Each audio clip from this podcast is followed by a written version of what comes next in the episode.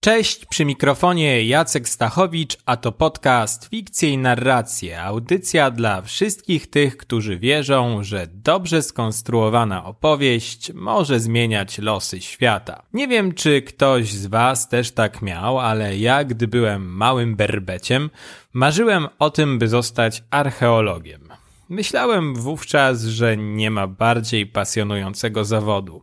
Przygody, kobiety, no może wtedy ten aspekt nie był dla mnie jeszcze tak ważny, ale ukryte skarby, no i ciągła, nieustająca akcja. To pragnienie rozbudził we mnie oczywiście nikt inny jak Indiana Jones, w którego wcielił się jeden z moich ulubionych aktorów, Harrison Ford. Niestety, a może dobrze, mój tata skutecznie odsunął moje myśli od tego zawodu. Wytłumaczył mi, że archeolog to nie ten, który ucieka przed spadającymi kulami, unika pułapek, lecz ci ludzie z łopatkami, miotełkami pracujący w upale.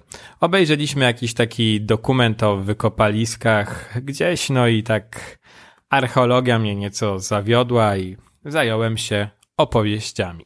Zaczynam od tego wspomnienia o pogrzebanym marzeniu, bo dziś na warsztat biorę trzeci typ opowieści zaproponowany przez Christophera Bookera w The Seven Basic Plots Why We Tell Stories, czyli Quest. A Indiana Jones i część nosząca tytuł Poszukiwacze zaginionej arki w reżyserii Spielberga to klasyk gatunku. Z pewnością typ opowieści, jakim jest Quest, jest dobrze wam znany, jak pisze Booker, nie da się go pomylić z żadnym innym. Quest. Słownik proponuje takie tłumaczenie jak poszukiwanie, pogoń, śledztwo. Wszystko właściwie się zgadza, ale zdaje się, że najlepiej jednak słowo quest odda nam słowo quest. I nim dzisiaj będę się posługiwał. Nim przejdę do przykładów oraz tego, jak zbudowana jest tego typu opowieść, dla krotochwili połączmy teraz science fiction z fantazy. I to jeszcze takim, które ma korzenie w średniowieczu. Kreatywność na 600%. Więc w nie tak odległej przeszłości na planecie XT-130, takie nazwy zawsze dobrze brzmią, pewnego razu ktoś bardzo ciekawski otworzył puszkę na której wyraźnie napis głosił, ażeby nigdy pod żadnym pozorem nikt nie ważył się jej nawet dotknąć. A że natura ludzka ma wpisaną w sobie przekorę, to więcej jak pewne jest to, że taki napis sprawi, że prędzej czy później ktoś to naczynie otworzy. Wróćmy do opowieści. Gdy ten niefrasobliwy ktoś już ją otworzył, rozpierzchły się demony wszelakie, które sprawiły, że wszyscy pogrążyli się w smutku, a co gorsze, podzielili się na dwie grupy, które od słów bardzo szybko przeszły do czynów i zaczęły się nienawidzić. Słowem tragedia dla tego świata.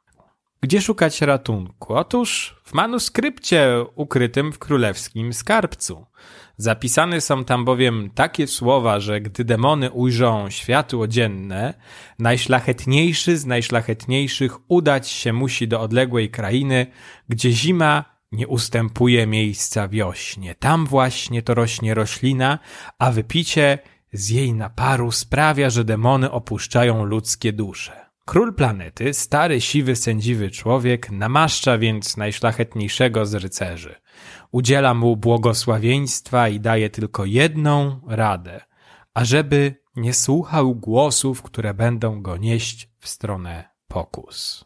Zadanie to nie jest jednak tak łatwe. Rośliny tej pilnuje bowiem niezwykle groźne plemię, któremu demony nie są tak straszne. Oprócz tego działa tam silne pole magnetyczne, które sprawia, że ludzie tracą rozum. Rycerz więc nie może udać się sam w tę podróż, zbiera więc innych zacnych ludzi, przekonuje ich co do słuszności sprawy i tak wyprawę razem z nim wyrusza poczciwy chłop, który kilka dekad temu opuścił to plemię, rusza też drugi zasłużony rycerz, no i poeta, filmowiec, który czuje się w obowiązku opisać, no niech będzie, tworzyć nowy gatunek art video ballady. Jesteśmy w końcu w średniowiecznym science fiction. Ekipa ruszyła więc w podróż. Po locie kosmodromem wylądowali w mroźnej krainie. Dalej muszą iść piechotą. Nagle napadają na nich mutanty, które tam żyją. Udaje im się pokonać ich pierwszą falę. Ale gdy nadchodzi druga, biorą nogi za pas, co wiąże się ze znacznie cięższą drogą do celu. Wyobraźmy sobie, że przeciskają się przez jakąś szczelinę, a potem muszą iść przez góry. Tam zmagają się ze śniegiem, huraganami, wiatrami, no i oczywiście polem magnetycznym, które sprawia, że istoty ludzkie wariują gdzieś w międzyczasie omal nie spadają ze skał, odnajdują w końcu magiczną jaskinię. Jest tam ciepło i przyjemnie, ale rosną tam też jagody wielkie jak pięść. Najmądrzejszy z grupy przestrzega przed ich jedzeniem. Poeta, filmowiec jednak, gdy wszyscy usypiają, postanawia się skusić, po czym... No a co? Próbuje zamordować resztę grupy. Gdy ci go powstrzymują i, i dają mu napić się wody ze źródła, opętanie znika. Potem ruszają podróż dalej. Mają jeszcze mnóstwo przeszkód po drodze, konfliktów między sobą. Drugi rycerz ciągle neguje to, co mówi pierwszy, aż docierają w końcu do celu, gdzie widzą już tęże roślinę. Niech będzie, że całą jej plantację. Ale uwaga! Gdy już docierają, okazuje się, że tuż za nimi szła inna wyprawa i co najgorsze, to jeden z ich ekipy okazał się zdrajcą. No, niech będzie, że to ten drugi rycerz, już i tak namaściliśmy go na tego złego i ten rycerz cały czas jakoś przekazywał im informacje. A ci ludzie są to ci, którzy pragną tego, by konflikt trwał nadal. Jest im to z jakiegoś powodu na rękę. Zamierzają więc spalić całą plantację tejże rośliny i udaje im się to. Ale to nie jest przecież zwykła stokrotka. Łodygi zaczynają płonąć i piszczą przy tym niemiłosiernie. Hałas ten sprawia, że tym złym bębenki uszy krwawią i bam giną wszyscy jak jeden mąż padają na ziemię. Niestety. Cała plantacja pogrążyła się w ogniu. Dla tego świata nie ma już ratunku. Plemię ma jednak zachowane dwa nasiona tej rośliny, które dają naszej drużynie. Wracają, a wraz z nimi świat powraca do równowagi. I słuchajcie, tak jak to było w przypadku poprzednich podcastów, zanim rozłożę wam ten typ opowieści na części pierwsze, pozwolę sobie przytoczyć kilka przykładów. Oczywiście opowieści typu quest jest niezmiernie dużo. Klasyki, o których pisze Booker, to m.in. Odyseja Homera. Trudno jest chyba o bardziej questowy quest niż ten. Można wręcz rzec, że Homer jest swego rodzaju, dziś powiedzielibyśmy, trendsetterem. Jak pamiętacie, po wojnie trojańskiej Odyseusz przez 10 lat wraca do Itaki. Jedni bogowie mu sprzyjają, inni nieco mniej. Wracając, pokonuje rozmaite trudności, by znów znaleźć się w swym rodzinnym domu obok wiernej żony Penelopy. Pojawia się tam mnóstwo motywów, które potem były i z pewnością wielokrotnie w kolejnych dziełach będą parafrazowane. Trafia m.in. do lotofagów, gdzie jedzą kwiaty lotosu, które odbierają im pamięć. Trafia także do cyklopów, których to upija i oślepia jednego z nich. Potem jest Ajola, który darowuje mu nieprzychylne wiatry. Kraina lajstrygonów, ludożercy, kanibale. No to to ostatnio też dosyć lubiany motyw, można powiedzieć. Kirkę, która zamienia ich w świnie, idą też i do Hadesu i co tu dużo mówić. No, znamy te elementy także z innych opowieści, które ochoczo czerpały z Homera. No, choćby ta druga sprawa, drugi przykład, nieco tożsamy z pierwszym, czyli Eneida Wergiliusza, czyli rzezby można, nowa Odyseja, pisana przez 10 lat i to niedokończona, tworzona na zlecenie Oktawiana Augusta. Protagonistą jest Eneasz, który, co tu dużo mówić, także z trudnościami wraca spod Troi. Władca Pierścieni to także klasyczny przykład opowieści typu quest. Warto przypomnieć sobie tutaj ekspozycję filmową pierwszej części, czyli Drużyny Pierścienia. Ta, jak pewnie pamiętacie, zaczyna się od legendy o pierścieniach. I już na wstępie zaanonsowane jest to, że wydarzyło się coś złego, że pewne wartości zostały zatracone, ale wyjaśnienie za moment. Wiemy, że ukuto pierścienie. Trzy trafiły do elfów, siedem do krasnoludów, aż dziewięć najwięcej trafiło do ludzi. W pierścieniach jest wola, moc rządzenia. Ale no właśnie, powstał też jeden w górze przeznaczenia, zło wcielone, Sauron. Ukuł pierścień, wrzucił w niego złość, wszystko co najgorsze i ten jeden może rządzić wszystkimi innymi. Ulegano jego mocy, lecz w końcu postawiono opór. Zjednoczona armia ludzi, elfów walczyła z wojskami Saurona. Moc pierścienia była niepokonana, jak i sam Sauron, ale udało się. Isildur pokonał zło, dostał pierścień i możliwość wyzbycia się tego, co najgorsze. Tak ogólnie, tego, co najgorsze w ludziach i w ogóle na świecie.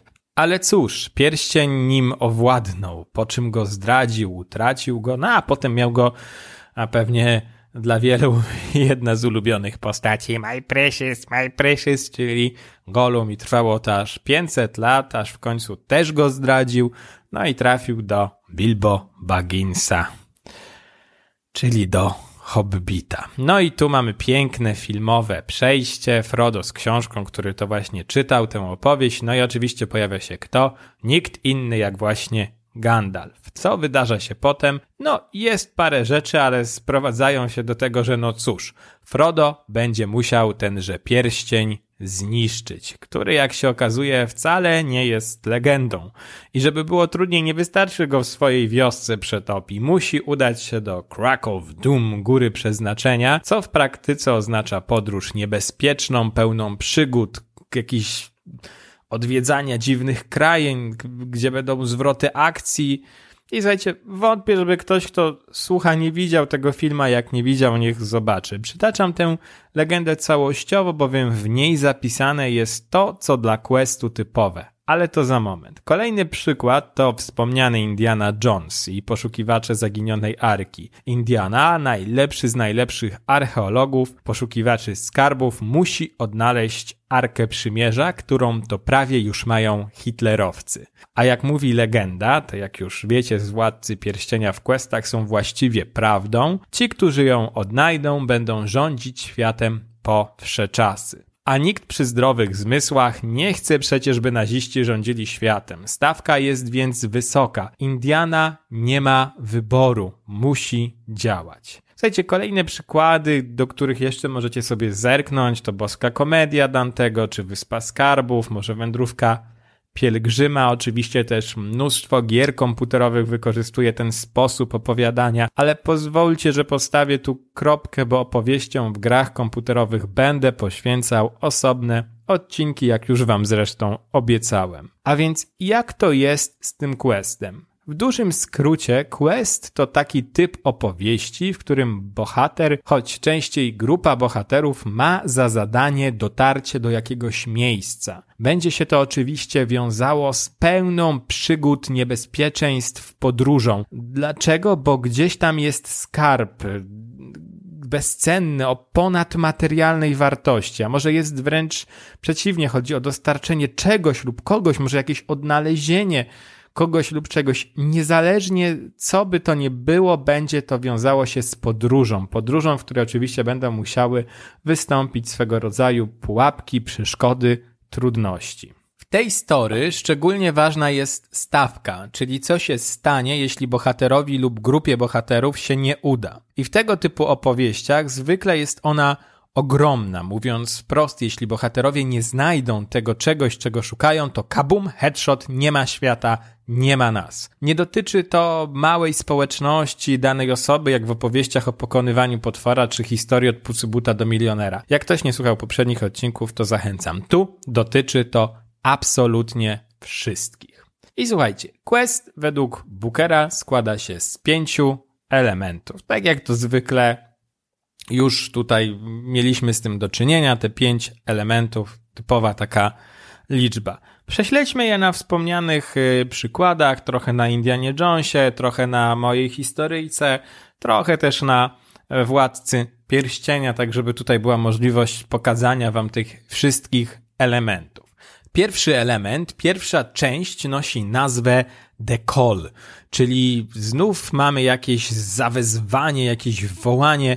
Nasz bohater żyje spokojnie, siedzi w domu, jednak dzieje się coś tak poważnego, że za chwilę nie będzie miał właściwie wyboru i będzie musiał udać się w podróż. Dlaczego? Jak pisze Booker, coś poszło bardzo nie tak. Wydarzyło się coś, co nie powinno się wydarzyć. Indiana Jones na przykład otrzymuje informację, że naziści natrafili na trop Arki Przymierza istnieje przekonanie, że ta jest w Egipcie. Trzeba ich uprzedzić, albowiem, no co tu dużo mówić, nikt nie chce, by hitlerowcy, wstrętni naziści mieli tak ważny przedmiot. Poza tym ma to wymiar symboliczny. Przypowieść mówi, że najsilniejsza armia świata przed sobą będzie niosła arkę i podbije świat. Stawka, choć niedosłownie, oznacza po trosze ocalić świat przed nazizmem, ocalić świat w ogóle. Jeśli chodzi o zaproponowaną przeze mnie historyjkę, ktoś otworzył puszkę z demonami, które polaryzują społeczeństwo, prowokują ich do konfliktu, ludzie będą się zaraz zabijać. Jedynym ratunkiem, jak głosi manuskrypt, jest roślina na krańcu świata, gdzieś wśród wiecznych śniegów. Najszlachetniejszy z rycerzy jest więc postawiony przed faktem dokonanym. Musi wyruszyć po niego w podróż, by uratować świat. Tak samo jest we Władcy Pierścienia. Powstał jakiś zły przedmiot, który znajduje się w niewłaściwych rękach i trzeba go zniszczyć, bo jak wróci do Saurona, no to znowu będzie niefajnie. Druga część, The Hero's Companions. E, zadanie jest tak trudne, że nasz bohater potrzebuje ludzi do tego, by mógł osiągnąć swój cel. Oczywiście znajdziemy także takie questy, które wykonywane są samodzielnie, gdzie bohater solo wykonuje zadania, na przykład w grach komputerowych, to tak też, żeby nieco e, zwiększyć napięcie. Indiana Jones do Egiptu jedzie więc przez Nepal, gdzie spotyka się z córką swojego już nieżyjącego e, mentora, która to ma niezbędny artefakt do tego, by odnaleźć ukrytą Arkę Przymierza. Oczywiście będą działać razem. W mojej historyjce najszlachetniejszy z rycerzy także zbiera ekipę, odnajduje podobnego sobie, kto go będzie wspierał, kogoś, kto zna teren. Pojawia się też Trickster, filmowiec Bart, kręcący art, video, ballady. No, a wiecie, no, Władca Pierścienia, Drużyna Pierścienia, no to już sam tutaj podtytuł mówi, że jakaś drużyna, jakaś ekipa do osiągnięcia celu jest, musi być. Booker określa, że między główną postacią a pozostałymi mogą zajść cztery typy relacji. Pierwszy typ relacji to jest taki, nazwijmy, niezbyt ścisły, taki trochę nijaki. To jest taki typ relacji, że jest no szef i są jego jacyś pomocnicy, tego, tego głównego bohatera, jakaś jego ekipa, jacyś żołnierze. Czasem ich znamy z imienia, czasem nie. Z imienia ich znamy na przykład e, w Odysei. Oni są oczywiście ważni, ale jest to jednak taki no typ relacji, no niezbyt jakiś taki zażyły, można powiedzieć. Drugi typ to alter ego. Jest to taka postać, która towarzyszy głównemu bohaterowi. Pomaga, jest wierna, pomocna. Nie ma się co oszukiwać. Nie są to najciekawsze postacie do grania czy słuchania, ale pełnią też funkcję lustra. Co to oznacza? Poprzez dialog głównego bohatera z taką postacią możemy dowiedzieć się czegoś o jego emocjach, problemach. To taki chociażby sam z Władcy Pierścienia, który mówi Panie Frodo, Panie Frodo. Trzeci to typ to też alter ego, ale troszkę inne alter ego, takie powiedzmy bardziej nieufne, negujące plany, pomysły, działania głównego bohatera. To relacja w mojej historyjce tego drugiego rycerza z tym głównym. Czwarta relacja to taka, w której postaci się uzupełniają. Jeśli główny bohater jest intelektualistą, ale jest na przykład dość słaby, to jego kompan będzie z kolei silny i będzie mu pomagał w innych kwestiach. Wiedza o tego typu e, możliwościach mogłaby wpłynąć ciekawie na moją historyjkę. Mój bohater mógłby mieć wokół siebie anonimowych żołnierzy, innych rycerzy, wówczas cała uwaga skupiłaby się na nim. Z dużą dozą prawdopodobieństwa wróciłby sam, może i tylko jako on z tej wyprawy samotnie powracając, kto wie. Oczywiście któraś z postaci, którą wybrał do podróży jest mu wierna, jest jego pomocnikiem, wspaniałym dramaturgicznym narzędziem do pokazywania miękkiego brzucha, twardziela, najlepszego z rycerzy. To taka druga opcja, tak, że gdzieś tam mamy kogoś, kto jest mu jakoś podobny i pomaga. Ale też ciekawy jest ten trzeci typ relacji, ta postać negująca, która to trochę e, mu przeszkadza i zapewnia też konflikt. To, to mógłby być ten drugi rycerz z kolei, tak, wybrany. Może ten okaże się też, no, no wiadomo, że on też tutaj zdradza, tak, gdzieś też tak tutaj to wymyśliliśmy, tak? A postaci, które się uzupełniają, no to mógłby być ten nasz trickster, tutaj mamy tego w postaci Barda. Dla mnie to jest taki trochę jak osioł ze Shreka, który na przykład swoją elokwencją pokonuje e, smoczycę, e, zagadując ją. To jest też taki fajny e, przykład. E, słuchajcie, trzeci element, już kończymy z relacjami. To jest oczywiście The Journey, to jest podróż, to co tygrysy lubią najbardziej. Przede wszystkim to, z czym bohaterowie się mierzą na tym etapie, to sam świat, ta, ta kraina, którą muszą przemierzyć, by dotrzeć do celu, jego nieprzyjazna natura, klimat. Indiana Jones to jest jakby to ująć przykład nad przykłady. Jeśli zdecydujecie się obejrzeć poszukiwaczy zaginionej arki, to w ekspozycji w pierwszej scenie zwróćcie szczególną uwagę na jeden ze słynnych kadrów, jak Indiana Jones przemierzający dżunglę staje u podnóża góry. Jest on tak filmowany, by ta góra przerastała człowieka bardziej niż to góry mają w swym zwyczaju. Tutaj no też na marginesie trzeba powiedzieć, że to jest naprawdę wielka świadomość gatunku reżysera, no ale to jest Spielberg, wiadomo.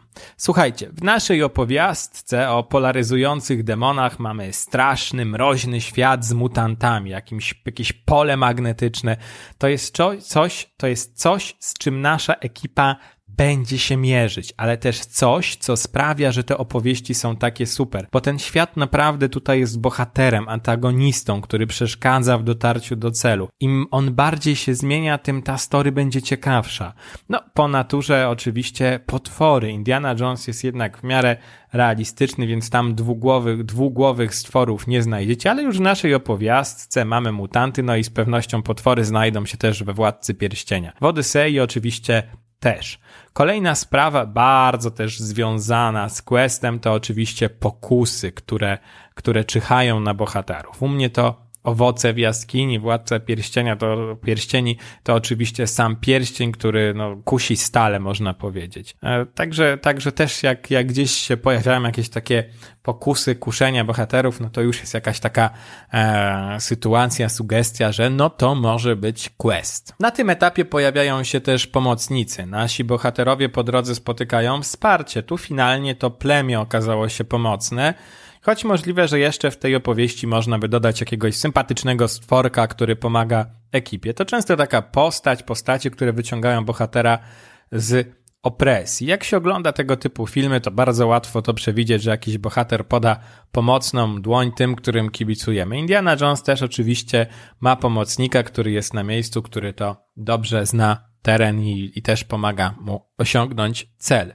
Czwarty etap, czwarta część tej opowieści, czwarty element to Arrival and Frustration as the quest is not complete. Przybycie i frustracja. E, quest nie jest skończony, zadanie nie jest wypełnione. Nasi bohaterowie docierają do celu, ale cóż, za moment spłonie cała plantacja. Zginą po prawdzie ci źli, ale co z tego? Tu jeszcze oczywiście zanim dojdzie do przekazania ziaren, powinna być jakaś próba. Może właśnie ten najszlachetniejszy z rycerzy powinien napić się wody ze źródła poznania prawdy. Na przykład, jeśli ma szczere intencje, woda go nie zabije. Nie, nie zabiły go już e, piski roślin, to jedna część próby. Czasem jest ich kilka. W każdym razie, cóż, bohater ten główny musi ją przejść. W Indianie Jonesie jest tak, że odnajdują oni arkę, odkrywają, gdzie ta cenna skrzynia się znajduje i wiecie, no już witają się z gąską, już mają, a za moment i takim gwizną ją sprzed nosa naziści. Gdy ją otworzą, no cóż, oni zginą, ale to taki, no, spoiler, spoiler, spoiler znowu, ale dobra. E, myślę, że każdy tutaj a, zna poszukiwaczy zaginionej arki. A przy tym mamy jeszcze podczas tej sceny ginięcia nazistów takie efekty specjalne minionej już epoki, na które trzeba spojrzeć z dystansem. Też jak tutaj taka jest w innej części z kolei Indiana Jones, Jonesa jest jak, jak poszukuje świętego grala, to tam z kolei musi się, musi on po pierwsze wybrać ten gral i napić się z niego e, wody. No i on oczywiście pijąc tę wodę nie, nie umiera, też przechodzi próbę. Te próby są w tych opowieściach dosyć też typowe i ważne. Piąty etap, ostatni, the goal, cel. Naszym bohaterom finalnie udaje się go osiągnąć. W mojej opowiastce rycerz dostarczy te dwa nasiona, powstanie cała plantacja, demony znikną. Indiana Jones po tym, jak ta sama arka gdzieś tam zabiła nazistów, dostarcza ją i szczęśliwie nie będą ją mieć, jej mieć, przepraszam, hitlerowcy. Uff, szanowni państwo, Quest na pewno to bardzo taki ciekawy typ opowieści, przygodowy, też troszkę związany z tym gatunkiem tak zwanego kina nowej przygody, gdzie się dużo dzieje, gdzie jest jakaś podróż, gdzie jest cel do osiągnięcia, gdzie ten cel jest bardzo, bardzo wysoki. Ja jestem przekonany, że to jest taki typ opowieści, który na pewno nieustającą popularnością się cieszy i jeszcze wielokrotnie będzie wykorzystywany i w filmie, i w grach komputerowych, i pewnie w telewizji, i może też w jakichś innych celach. To by było na tyle dziś, szanowni państwo, w fikcjach i narracjach. Mówił do was Jacek Stachowicz, a za tydzień zapraszam was do czwartej opowieści. Będzie o podróżach i powrotach. Do usłyszenia.